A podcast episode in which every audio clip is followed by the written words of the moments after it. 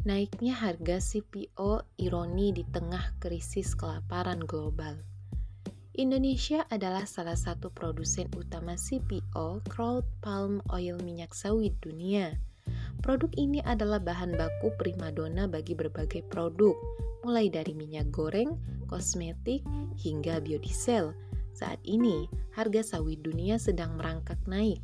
Sayangnya, petani sawit di Indonesia belum ikut menikmati secara wajar. Skema perdagangan sawit dinilai menjadi salah satu penyebabnya. Petani tidak terhubung langsung dengan pabrik. Selama ini harga sawit masih diatur oleh tengkulak.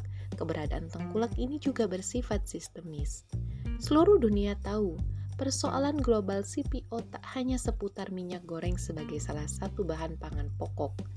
Lebih dari itu, sudah menyangkut perubahan iklim, bahkan energi nabati. Hal ini perlu menjadi perhatian. Memang, banyak pihak mengklaim perkebunan sawit telah menyebabkan deforestasi di berbagai titik keanekaragaman hayati. Namun, upaya untuk mencari alternatif pengganti tanaman penghasil minyak nabati ini belum menemukan hasil memuaskan. Minyak sawit adalah minyak nabati paling populer di dunia.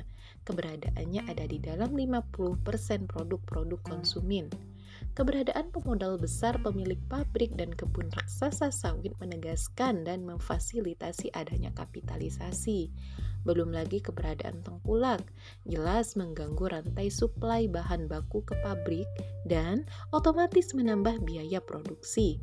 Pada akhirnya, yang terdampak paling besar adalah konsumen.